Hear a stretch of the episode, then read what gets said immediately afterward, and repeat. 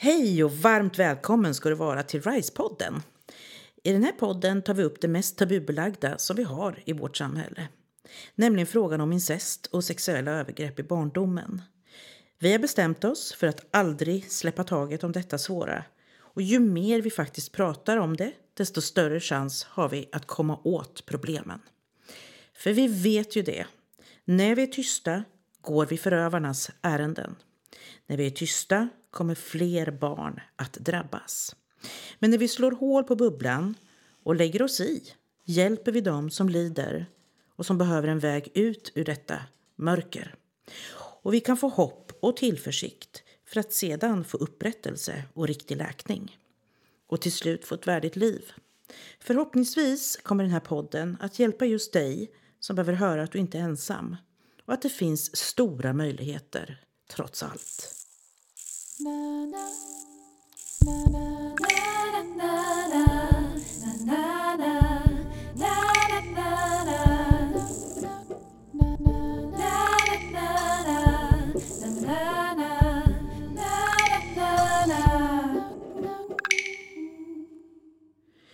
att sortera i detta och ventilera i det här omfattande ämnet incest och sexuella övergrepp i barndomen har jag här med mig den modiga och vältaliga RISE-podd-panelen i form av Sara, Ann-Sofie och Birgitta. Varmt välkomna ska ni vara. Tack. Tack. Och just idag ska vi titta närmare på det centrala och komplexa ämnet sexualitet och intimitet. Hur detta kan bli för en som har varit utsatt som en följd av sexuella övergrepp i barndomen. Kan ni börja med att beskriva hur era egna sexuella relationer sett ut under olika faser? Vad säger du, Ann-Sofie? Det har varit väldigt varierande. Eh, första delen av mitt liv så var det väldigt utåtagerande och jag hade liksom ingen koll på mig själv, inga gränser. Eh, men ju äldre jag har blivit, ju mer gränser har jag fått. Men fortfarande inte tillräckligt tydliga. Eh, och i dagsläget så kan jag till och med känna att nej, nu måste min kropp få vila för det har varit så mycket genom åren. Och just det som du säger att du har varit sexuellt utlevande. Mm. Man går från just att vara kanske sexuellt utlevande, rent promiskuös, ja. till att vilja leva i celibat. Vad säger du om det? Den här spännvidden så att säga.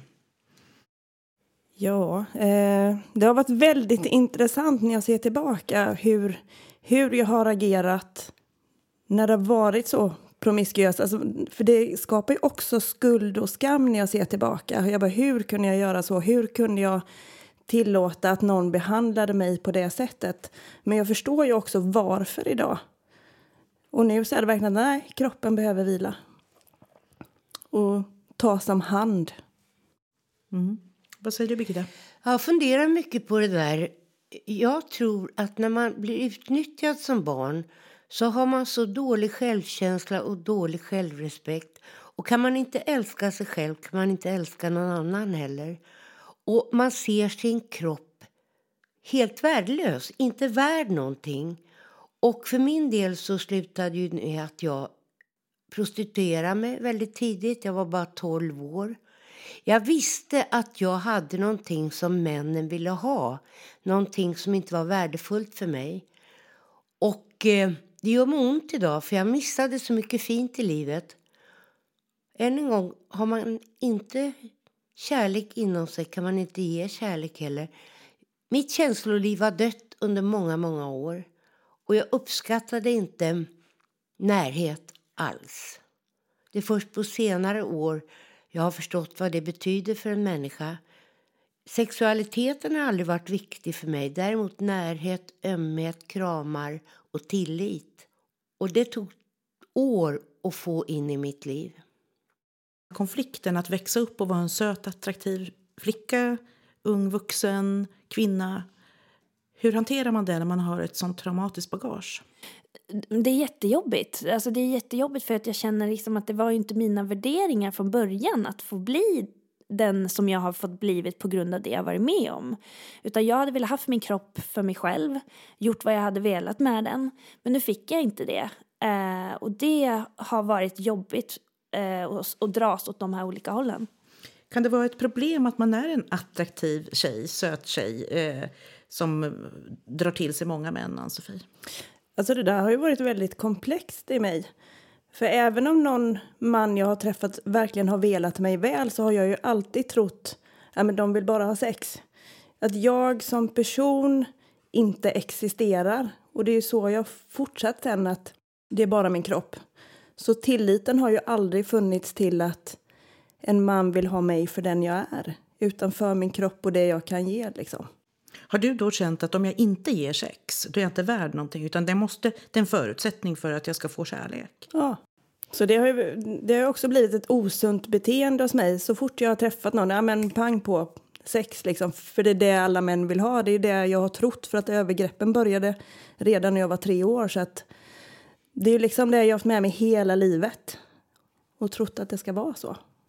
Fram tills nu då när jag inser att nej, det här är inte rätt. Och nu säger ju även kroppen till för nu gör det ont. För kroppen säger att jag orkar inte mer. Det här är ju väldigt tabu att prata om. Vad säger du, Birgitta? Ja, när jag ser tillbaka på mitt liv så förstår jag att eh, den här mannen som våldtog mig tog mig ifrån mig något väldigt fint som alla kvinnor har rätt att känna. Kärlek för sin egen skull. Jag kände som dig, Ann-Sofie, att männen bara ville ha sex. Och eh, jag var beredd att ge dem det bara för att bli bekräftad. Aldrig för att vara kär tillbaka. Och eh, jag tror liksom att eh, det är en stor sorg inom mig fortfarande att jag missade så många år av någonting som ska vara väldigt fint mellan två människor. Jag tror inte jag har upplevt sann kärlek förrän på äldre, äldre dagar. Och det tog den här jäveln ifrån mig som våldtog mig. Sex har aldrig varit ett problem för mig, men intimiteten har varit ett problem för mig. Att smeka någons kind, att bara dra bort håret från någons panna, att hålla någons hand, eh, att massera någons rygg. Det har inte funnits i mitt liv och det, jag känner en otrolig sorg för det. För för mig har det bara varit sex och inte det andra. Och det har varit tufft att inse det. Jag tänker på det du sa, Ann-Sofie, tidigare att eh, det var sex pang på där när man träffar någon. Kunde det någon gång vara så att du tänkte så här, men jag vill inte ha sex utan jag vill inleda en relation på ett annat plan? Eller tänker man inte ens så, utan det är sexet som, som står där först? För det första så tänkte jag inte, för att det var det jag kände till. Och när jag väl började säga att ah, jag behöver sätta gränser, då visste jag inte hur jag skulle göra. För jag har aldrig lärt mig. Hur, hur sätter jag en gräns? Vad är närhet? Hur tar jag mig, alltså, hur, hur tar jag mig till det? Jag har inte haft en aning, så det har verkligen varit en resa att stanna upp, reflektera, försöka lära mig närhet och närvaro tillsammans med en annan människa. Och sätta mina gränser på ett sunt sätt. För mig har det varit väldigt mycket njutning för den andra personen och inte så mycket njutning för mig själv. Och det var jättejobbigt att inse. Att jag bara har använt mig själv för att ge en annan människa njutning. Att få ta på min egen kropp, att få känna mina egna känslor, min egen lust. Alltså för mig har det här varit fruktansvärt att få inse, men en otrolig befrielse för att få bli den jag är idag. Hur viktigt är det att vi pratar om just detta? Oerhört viktigt. Och jag förstår när jag hör er liksom att vilka trauman bara det här med sexualiteten skapar på ett barn som har utsatts för sexuella övergrepp. Jag tror inte folk förstår vidden utav vad det här liksom inte är. inte bara att man förlorar oskulden. Man förlorar det mest väsentliga i en människas liv. Närhet, tillit som du säger. Att man på något sätt bara ser sig som ett värdelös sexleksak. Och det är fruktansvärt. Alltså jag tror att det är viktigt att säga det, för det är ju inte vi, våra egna värderingar att det är vi som är värdelösa, utan det är det som förövaren tycker. Men du är värdelös, jag ska sätta på dig. Alltså jag, när jag hör mig själv säga det så blir jag ju så rädd och så skakad. Men det är så det känns. Du har ingen värde för mig, jag kan göra vad jag vill med dig. Fast så är det inte, utan jag är en värdefull person och jag har rätt att vara den jag är. Jag har min egen kropp, mina egna värderingar och framför allt min egen lust. Som kvinna har du din egen lust och kvinnor är kåta. När vi pratar om det här så är det viktigt att tänka på vilka tecken, för det är det vi vill leta efter hos barn för att kunna hjälpa barnen. Och ett tydligt tecken som man faktiskt ska vara vaksam på är att när små barn onanerar på dagis, dagispersonal har skyldighet att anmäla och vara vaksam på det här. Eller barn som gör det öppet i en familj och så vidare. Vad, vad säger ni om det? Vad säger du Ansvi? Eh, som barn var jag ju väldigt översexuell förstår jag idag. Eh, jag kunde sitta på en soffkant och gnida och liksom och det har ju också gett sån otrolig skuld och skam efteråt. Hur kunde jag bete mig så? Hur kunde jag göra så? Idag förstår jag att det är ett tecken på att någonting i mig var så otroligt osunt. Men så skamfyllt. Under så gott som halva mitt liv så visste inte jag vad det var orgasm var för en kvinna. Jag trodde det bara var männen som det gick för. Och jag liksom förstod inte vad kvinnor pratade om när de pratade om orgasm. Och jag tänkte, de ljuger ju. Det kan inte vara så skönt som de säger. För mig var det otänkbart att jag någon gång i livet skulle få uppleva det. Och det tror jag är en av skadorna som vi sexuellt utnyttjade lider av. Det är att inte få uppleva de här fina grejerna som jag sa utan se sexualiteten som skamfylld. Jag har aldrig upplevt det störande om jag ser barn leka med snoppen eller någonting. Det tycker jag tillhör en människas utveckling. Det ser inte jag som sjukt. Tvärtom så saknar jag det i mitt liv, den här sunda sexualiteten. Någonting som jag aldrig har fått upplevt. Det är väl så att när ett barn visar sig extremt frustrerat eh, när det har gått överstyr, så att säga. Inte den normala utvecklingen. Man vet väl kanske inte riktigt var gränsen går här men man ska kanske vara vaksam på detta även om det är väldigt, väldigt svårt barn har sexualitet redan i väldigt ung ålder. Och det är någonting som måste få finnas. Eh, det är någonting som jag har fått, eh, alltså det, det, är ingenting som är fel, utan det är någonting som vi vuxna måste se till att att liksom bibehålla för barnen att de får ha sin egen sexualitet.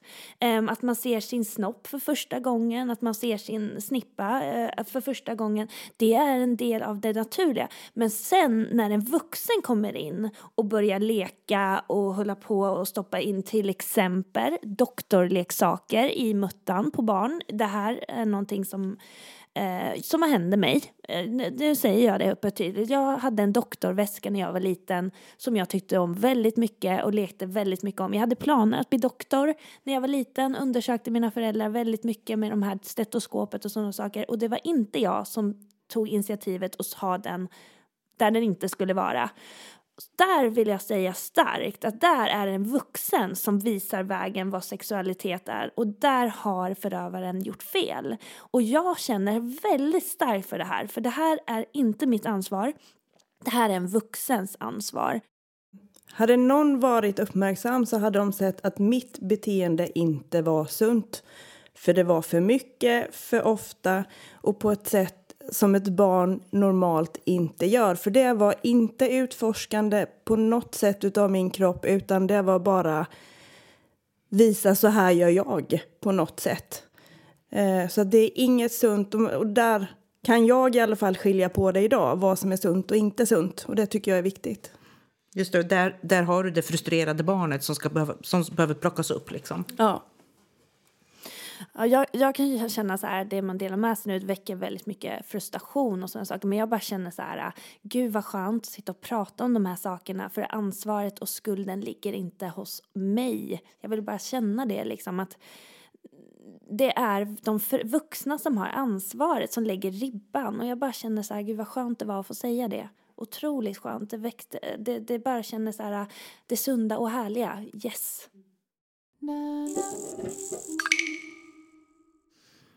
Många kvinnor, hur det är med männen som varit utsatta vet jag inte eh, säkert. Eh, men många kvinnor väljer ju till slut att leva själva. På grund av detta. Jag kan förstå det. Eh, för tilliten och det med närhet, närvaro till en annan människa.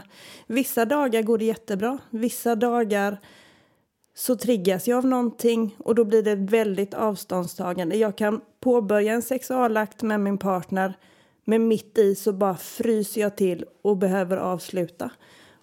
Och då är det väldigt skönt att inte behöva vara i den miljön utan jag är trygg med mig själv och den jag är. Du bestämmer själv? Ja.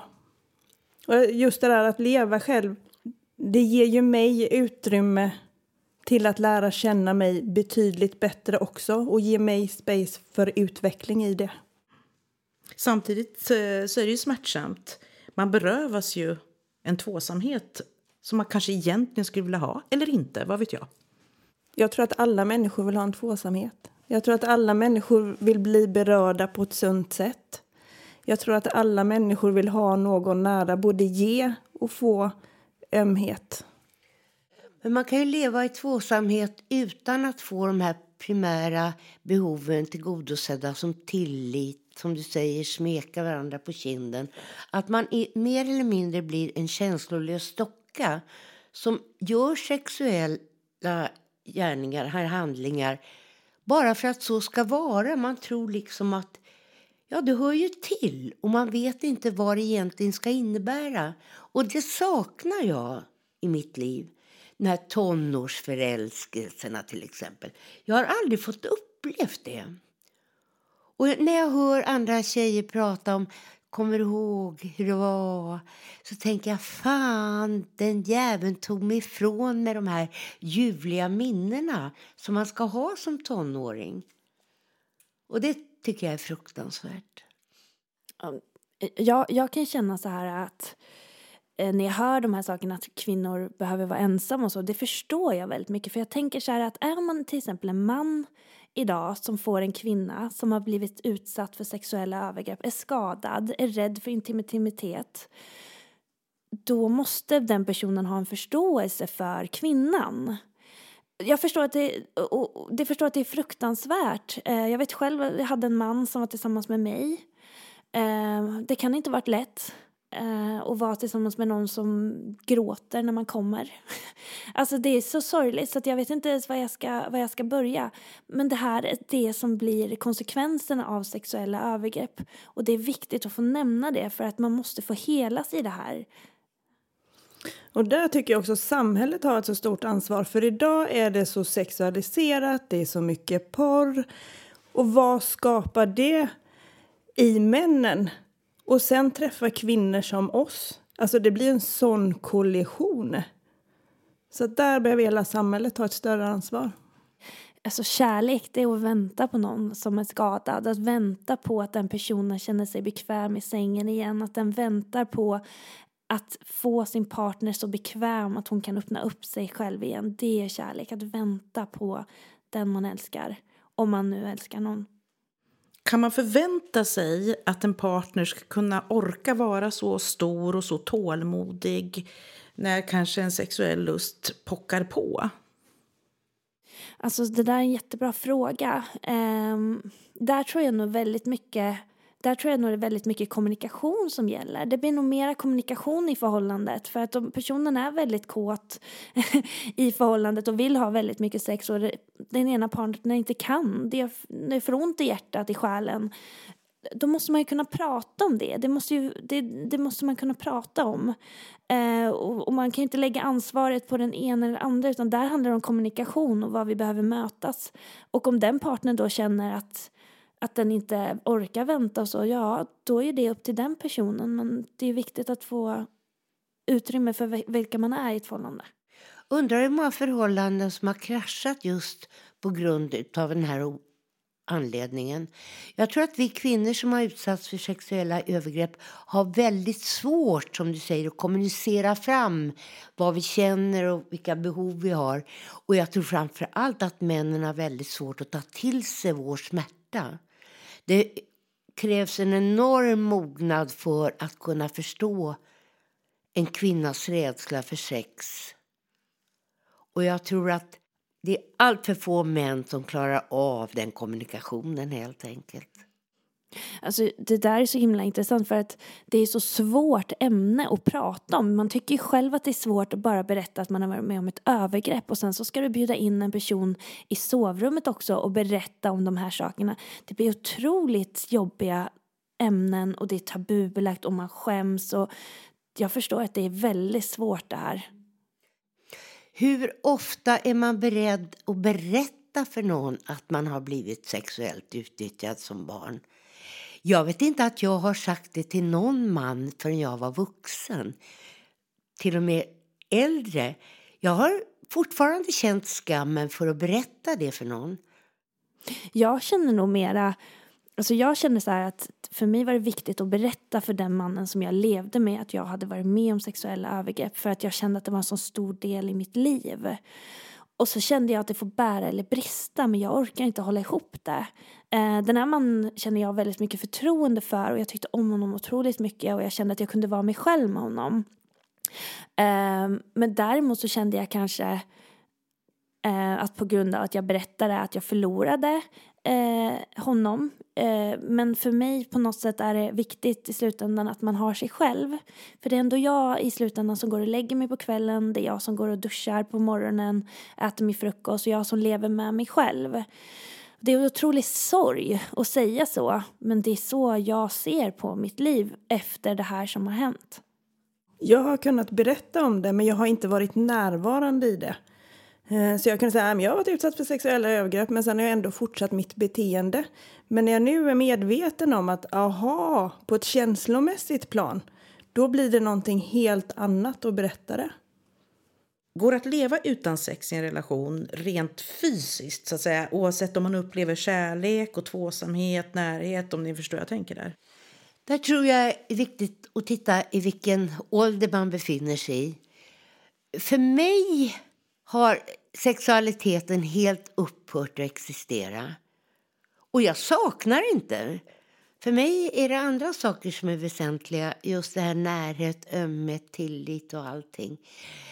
Men jag vet inte, jag tror inte att jag skulle sakna just sexen tidigare heller för att det har varit förenat med så mycket tankar och så mycket skam och så mycket skuld. För mig har det varit prostitution, det har varit missbruk.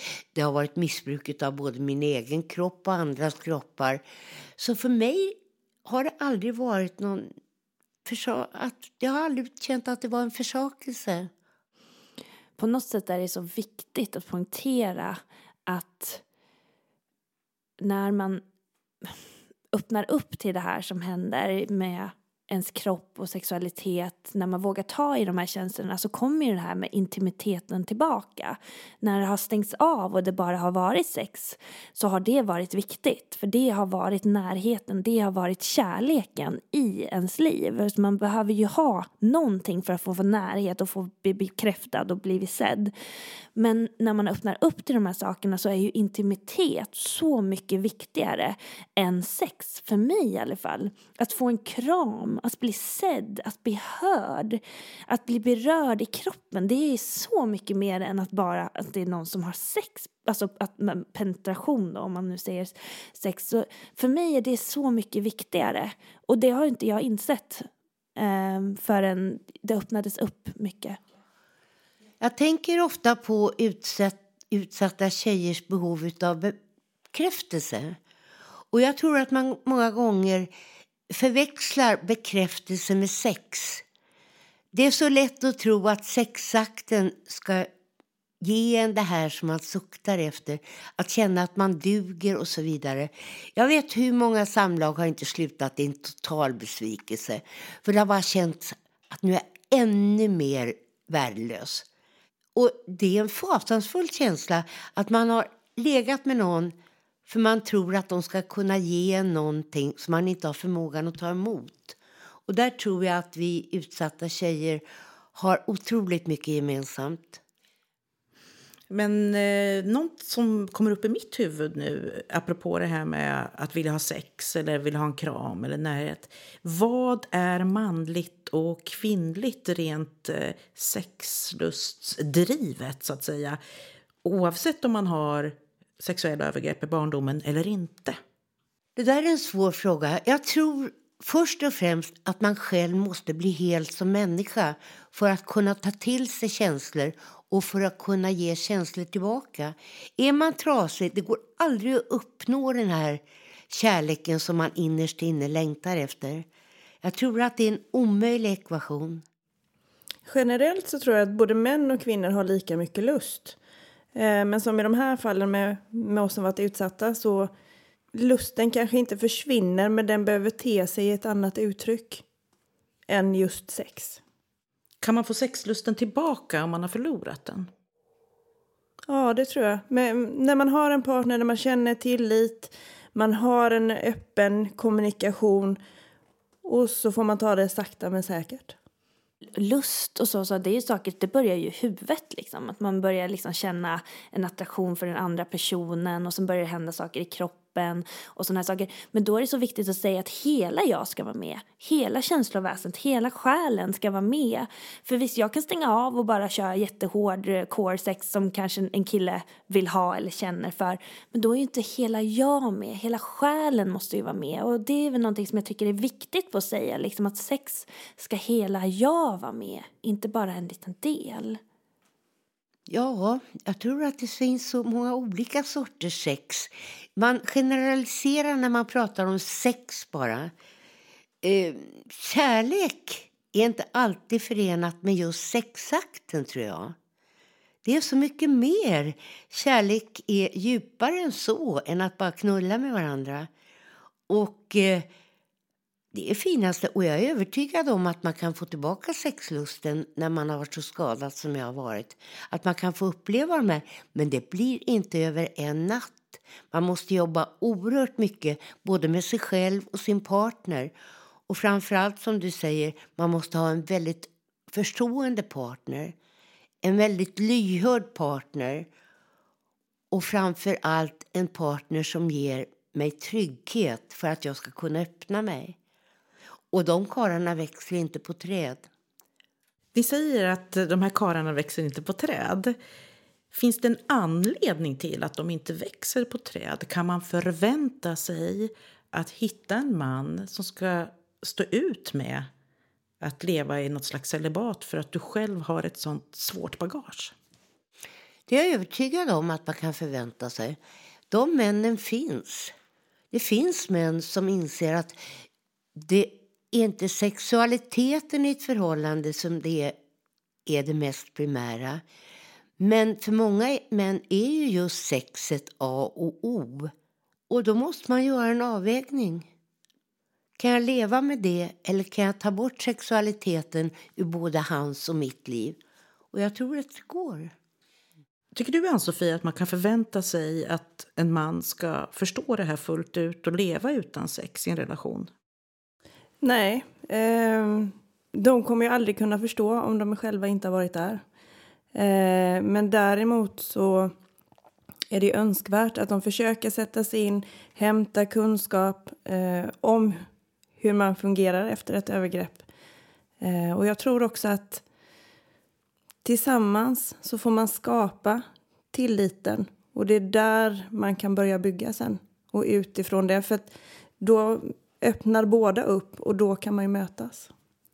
Jag, jag tror också att det är jätteviktigt att, att tänka var man är i fasen i det här eh, övergreppsbearbetningen. Eh, för att om jag själv inte känner mig bekväm med att säga vad jag har för behov som kvinna i sexuella akten, hur ska då mannen veta?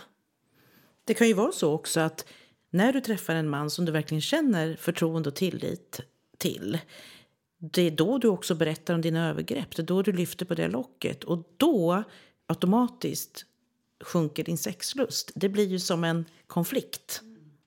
Det är en period där man känner att man behöver få ta hand om sig själv. Att man inte litar lika mycket på personen i ens närhet. Och det, det, det, det, det väcker så otroligt mycket när det här locket börjar öppnas. Um, och det är en fas i att bearbeta sexuella övergrepp att du inte kommer att känna lika stor lust att ha sex. Och jag tror också att det är viktigt att säga det från början. Eh, att det kommer komma perioder i mitt liv där jag har mindre sexlust För jag triggas av olika saker under resans gång och det kommer jag göra under hela mitt liv. Men jag är lite avundsjuk när jag hör er prata om sexlust. Det är också en av de här bitarna som jag har saknat stora delar av mitt liv. Och jag tänker vad lyckliga ni kan vara att ni ändå har den här lusten. Det är en gåva av 17, även om man har de här blockeringarna i sig, så är ni kåta, ni glada, ni vill. Det är ju värre när man inte varken vill eller känner eh, kåthet. Att bara vara totalt likgiltig, det är det värsta en människa kan känna. Fast att inte känna kåthet, varför behöver det vara så hemskt? Det är något primärt i ens liv som saknas såklart. Nu betyder det inte, det har ju hänt mig på senare år. Jag har ju varit kåt, glad och knullat. Men nu är jag ju 74 år. Hela min ungdom, 30-40 år, jag upplevde inte de här känslorna. Och jag känner lyckliga tjejer som kan känna så. Det måste ju vara underbart jag, jag, tänker också på att det känns ju lite så här tabubelagt liksom att man känner så här, oj jag har ingen sexuell lust, jag, har ingen, jag, jag känner ingen lust. Men då, och, och, det är så sorgligt kan jag tycka på något sätt för att man har ju rätt att känna så. Jag har, inte, jag har ingen lust.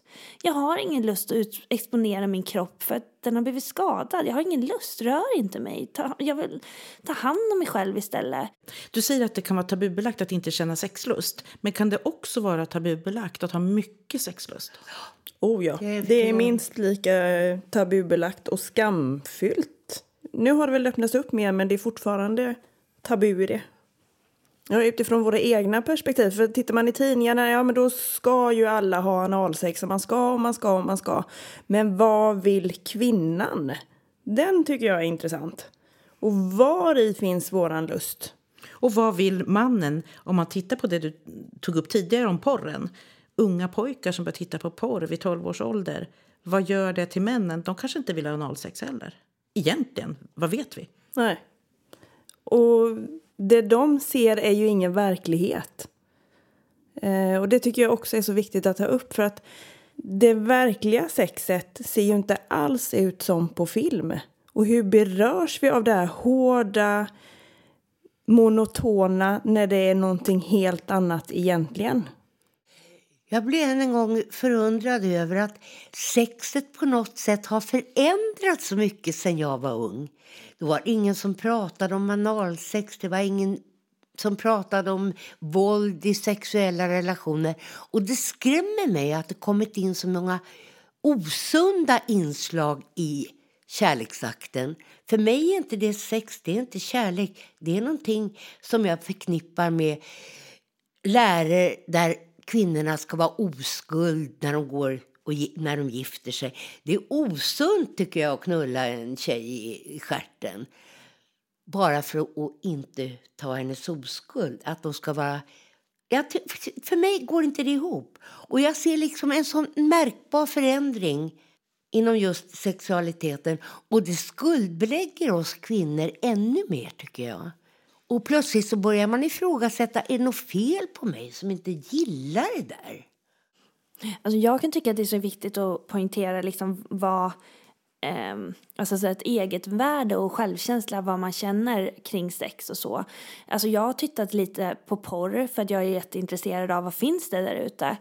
Eh, och där har jag liksom sett att det finns väldigt mycket som jag upptäcker som våldtäkt. Och det känner jag så här, men varför vill, jag, varför vill man titta på det här? Mår tjejen bra? Tycker killarna om det här? Tycker man om, alltså så här, och, och, det är bara sådana tankar som jag, som jag kommer upp när man när man, tar, när man bryr sig om sig själv väldigt mycket så börjar de här sakerna, alltså när man hämtar hem sig själv så börjar de här tankarna liksom hur mår den andra personen? Hur tycker den? Ja. Och då tänker jag så här, vad det gäller barn, att sätta gränserna tidigt. Att man måste utbilda barn på gränssättning och var går gränsen och när det är okej att få säga nej och faktiskt få känna sig trygg med sitt eget nej. Bland annat så har vi ju Tryggboken som eh, RISE eh, ger ut eh, där man, med bilder och, och, så för små barn. Men, men vad mer kan man göra liksom för att hjälpa barn på ett tidigt stadium och liksom utbilda i det här? Eh, jag har ju småsyskon Och eh, där är ju jag en person som kommer och hälsar på lite då och då. Så att jag är ju inte inne i kärnfamiljen utan jag är ju en utomstående.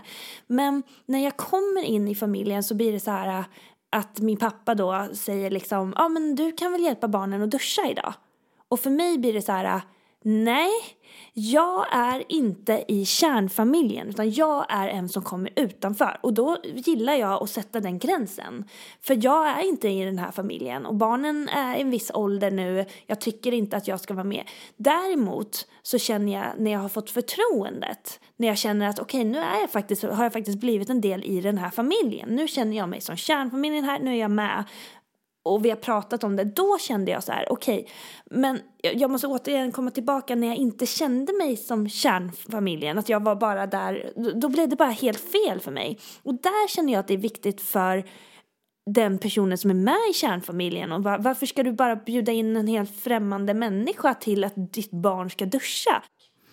Hur viktigt är det med de här gränserna, de här subtila gränserna och framförallt när man Eh, har en agenda eller inte en agenda, när du har gott eller ont uppsåt så att säga? Jag blir väldigt glad när jag märker att man börjar förstå hur viktigt det är med kunskap långt ner i åldrarna. Att killar ska inte kunna tafsa på tjejer. Tjejer har rätt att säga nej och så vidare.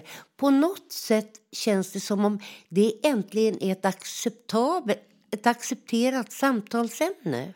När jag växte upp så var det självklart att killar skulle tafsa. De hade rätt att förgripa sig på tjejer. Nu är det så inpräntat i ryggmärgen på killar. Och de som ändå gör de här överträdelserna, de vet vad fan de ger sig in på och de ska ta konsekvenserna av det. Men ju tidigare man kommer in med den här kunskapen till små barn, desto viktigare är det, tror jag. Det, alltså jag tycker det är jätteviktigt äh, att poängtera liksom hur viktigt det är för föräldrar, att föräldrarna berättar för barnen i väldigt tidig ålder det här är din kropp. Den här får jag inte röra om du inte tycker att det är okej. Okay. Men jag bara känner så här, som vi skulle ta en vuxen person och jag bara skulle börja kladda på den. Skulle den tycka om det? Nej! Så varför ska det inte vara samma rättigheter för ett barn? Men det där är också intressant, för hur många gånger möter vi inte små barn och vi bara åh, puss och kram.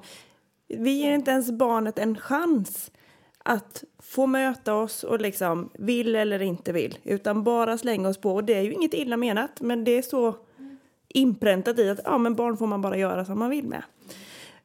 Och jag vet inte om det hade hjälpt mig att jag hade fått utifrån att det här är din kropp, det här är dina gränser. Jag tror att det hade satt mer stress i mig för jag var så liten när övergreppen började. Så att jag hade nog inte kunnat hantera det för jag hade inget stöd hemifrån där jag hade kunnat möta det här på ett bra sätt. Och jag tror det är jätteviktigt att all, eh, all personal inom barnomsorg överhuvudtaget får adekvat utbildning. Ge gärna föräldrar utbildning på dagis så att man förstår att det här är så viktigt, det här förekommer. För det kan ju även vara dagispersonal som förgriper sig, men att man tar upp det överallt i samhället.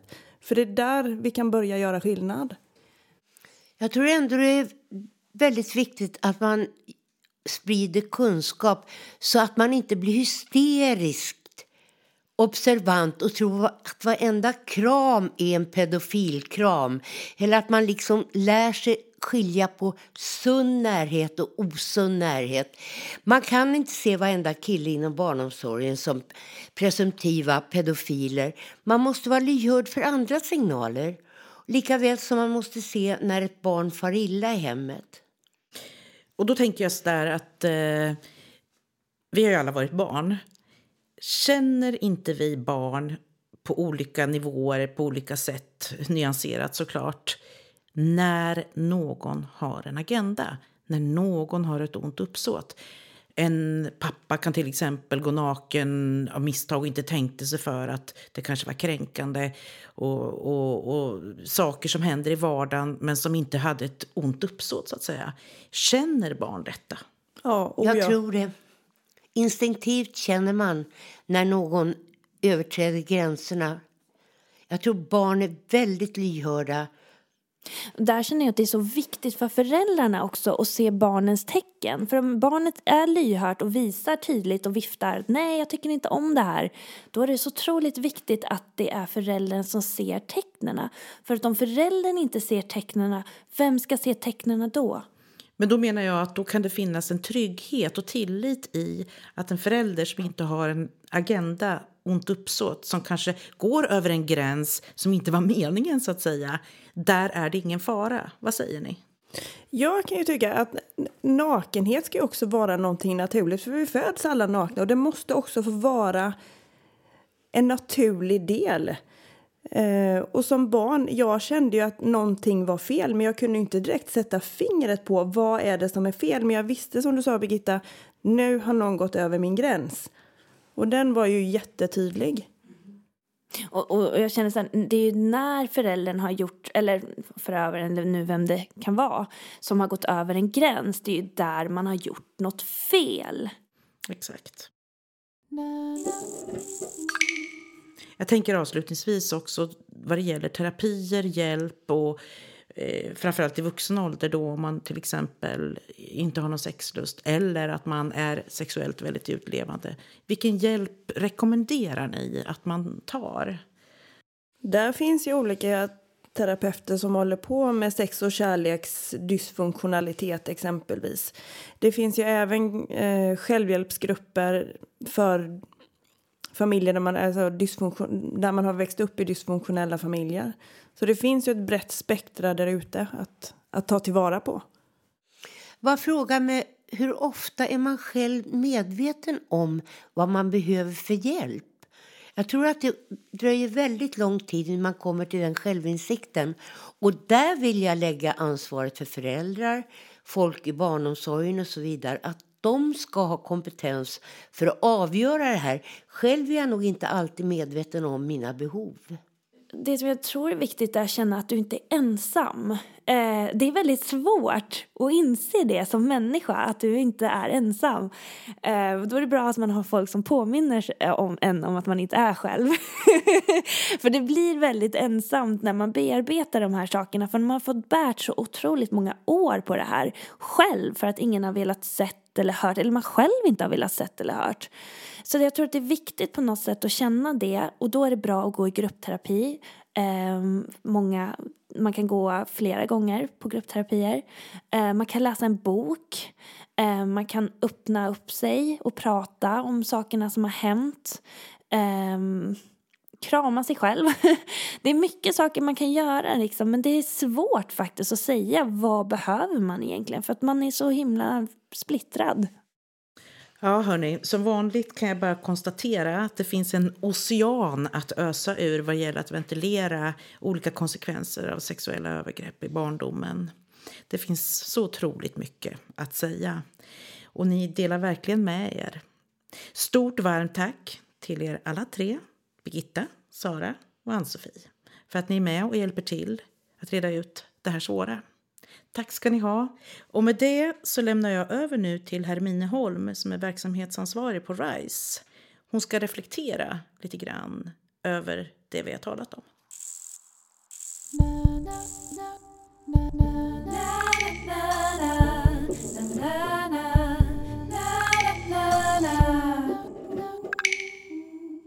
Detta stora ämne, Hermine, sexualiteten och intimiteten, vad säger du?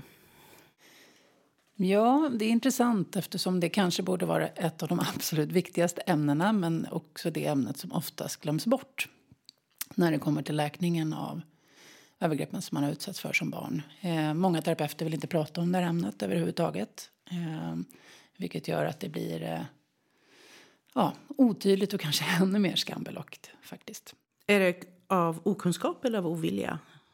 Jag tänker att det kanske är en liten bit av varje. Ehm, både en okunskap hur viktigt det är att se den här kopplingen och bekräfta den kopplingen till oss här och nu som vuxna. Ehm, och lite ovilja kanske, för jag tänker mig att det kanske kräver att man själv har vågat hantera de frågorna eh, som vuxen för att vilja vara terapeut åt någon annan när det gäller det. det rör oss alla så att säga. Mm. Men vad händer då? Vilka konsekvenser skulle du säga är de viktiga att titta på när man har varit utsatt för sexuella övergrepp och ska ha en välfungerande sexualitet som vuxen? Ja, det berördes ju lite i, i panelen här att man kan ha haft olika utåtagerande eh, beteenden som barn där man har visat tecken eller kanske varit lite översexualiserad på olika sätt. Och det är väl strategier man har haft som barn men man kan väl säga att när man tittar på våra vuxna medlemmar så verkar ju ett nyckelord vara kontroll. Och att den här kontrollen kan ta sig uttryck på olika sätt. Eh, kontrollen kan ju till exempel vara till för att man ska se till synes normal ut och funka till synes normalt. Eh, man kan ju kontrollera genom att bli översexualiserad och utsätta sig själv. Eh, för på så sätt så hindrar man att någon annan hinner utsätta mig först. Eller så kontrollerar man genom att bli avsexualiserad och isolera sig så att man inte riskerar att bli utsatt. Eh, sen kan man väl säga att kontrollen och känslan av att behöva bli kontrollerad kan ju ha varit en förutsättning, blivit en förutsättning för att överhuvudtaget känna lust eller närhet. Det är jättevanligt att våra medlemmar har lärt sig att tända på olika övergreppsfantasier. Eh, därför att det, jag vet inte om det är för att det finns en tydlig maktstruktur att identifiera sig med som gör att man överhuvudtaget kan nå eh, de här känslorna, sexuella känslorna. Eller att de på något sätt legitimeras då. Eh, eller så är det så att man faktiskt vill ha, man tänder på det här mjuka, fina. Men det visar sig om och igen att när man hamnar där så klarar man inte av att vara kvar utan man känner sig avstängd och känner ingenting helt enkelt. Men det är väldigt allvarligt hur du berättar att eh, tända på fantasier och att man själv går in i någon slags, eh, eh, inte roll, men att man tänder på övergrepp. Det är ju extremt allvarligt. Och oerhört sorgligt tänker jag. Att det blir så. Att man till slut identifierar sig med känslor som någon annan har lagt på mig, eh, som jag aldrig egentligen bad om. Eh, men det handlar ju om att man som barn aldrig har fått en möjlighet att eh, upptäcka sin sexualitet och, och eh, skapa den på det sätt man själv vill. Utan någon annan satte standarden väldigt, väldigt, väldigt tidigt. Men kan man ändå konstatera att just att vi pratar om det är nyckeln också för att det här är ju så oerhört tabubelagt? Ja, men det är ju det, tänker jag. Och också väldigt, väldigt skambelagt. Och, och det är ju värt att nämna i det sammanhanget att kroppen är en väldigt finurlig konstruktion. Och, och, det finns ju mekanismer i den som vi inte alltid kan råda över. Och en del av våra medlemmar som är utsatts som barn de har reagerat med att inte känna någonting alls när det hände. De har helt stängt ner. Eh, en del har ju känt smärta, men en del har känt lust. Eh, och den skammen som de medlemmarna känner som har känt lust är oerhört svår därför att de känner sig plötsligt medskyldiga. Eh, som om att de har varit med i den här akten. Eh, och där är det viktigt att förstå tycker jag att det är kroppens eget sätt att reagera på. Den är skapt för att reagera på det. Eh, och det behöver inte överhuvudtaget hänga samman med att man njöt av det som hände. I princip är det ju egentligen sällan så eftersom njutning är inte förenligt med rädslan som de alla, andra, alla, de allra flesta känner under övergreppet. Men om man till exempel har varit då väldigt sexuellt utlevande, vi pratade om det i panelen också, och sen så går man till att vilja leva i celibat i princip. Hur ska man kunna få ett normalt sexliv igen sen? Jag tror att det är jätteviktigt att våga prova. Eh, jag tror att det är jätteviktigt att försöka ta ett litet steg i taget. Eh, att testa mina gränser, tala om vad jag vill, prova. För det är ändå så att det finns alla möjligheter i världen att få det fantastiskt igen. Men det handlar om att eh, träffa en människa som man verkligen kan lita på och att våga börja ta ansvar för sina egna behov. Och det kan vara jättesvårt och det kan vara jätteläskigt och det kan ta sin tid. Men det går verkligen. Så även till anhöriga eller partnern, många gånger då männen så att, som står bredvid. Eh, det finns även hopp för dem, så att säga. För det kan ju sätta en relation i total gungning eller göra att man går skilda vägar. Absolut. Det kan vara jättesvårt och jättekrävande. Och, och de allra flesta har ju inte faktiskt... Det är inte så att man får en utbildning när man går in i en relation med någon som har varit utsatt som barn. Alltså det kan bli en total chock att se alla de konsekvenserna. Allt från en flashback mitt när man är tillsammans och har det jättemysigt så får ens partner total panik eh, och måste lägga sig under täcket och, och liksom gråta och bli helt hysterisk. Och det är ju inte lätt att hantera när det är någon man älskar som man bara vill vara nära. Men det finns stöd att få för det med. Eh, och det går att ta sig vidare tillsammans och man ska förstå som anhörig att man har en oerhört viktig roll i det här och att man kan få något fantastiskt i slutändan som ingen annan någonsin har fått med min partner. Det låter väldigt hoppingivande skulle jag säga. Yes. Tack Hermine Holm, verksamhetschef på RISE. Tack. Och tack också till alla er som har lyssnat. Vi hörs! na na na na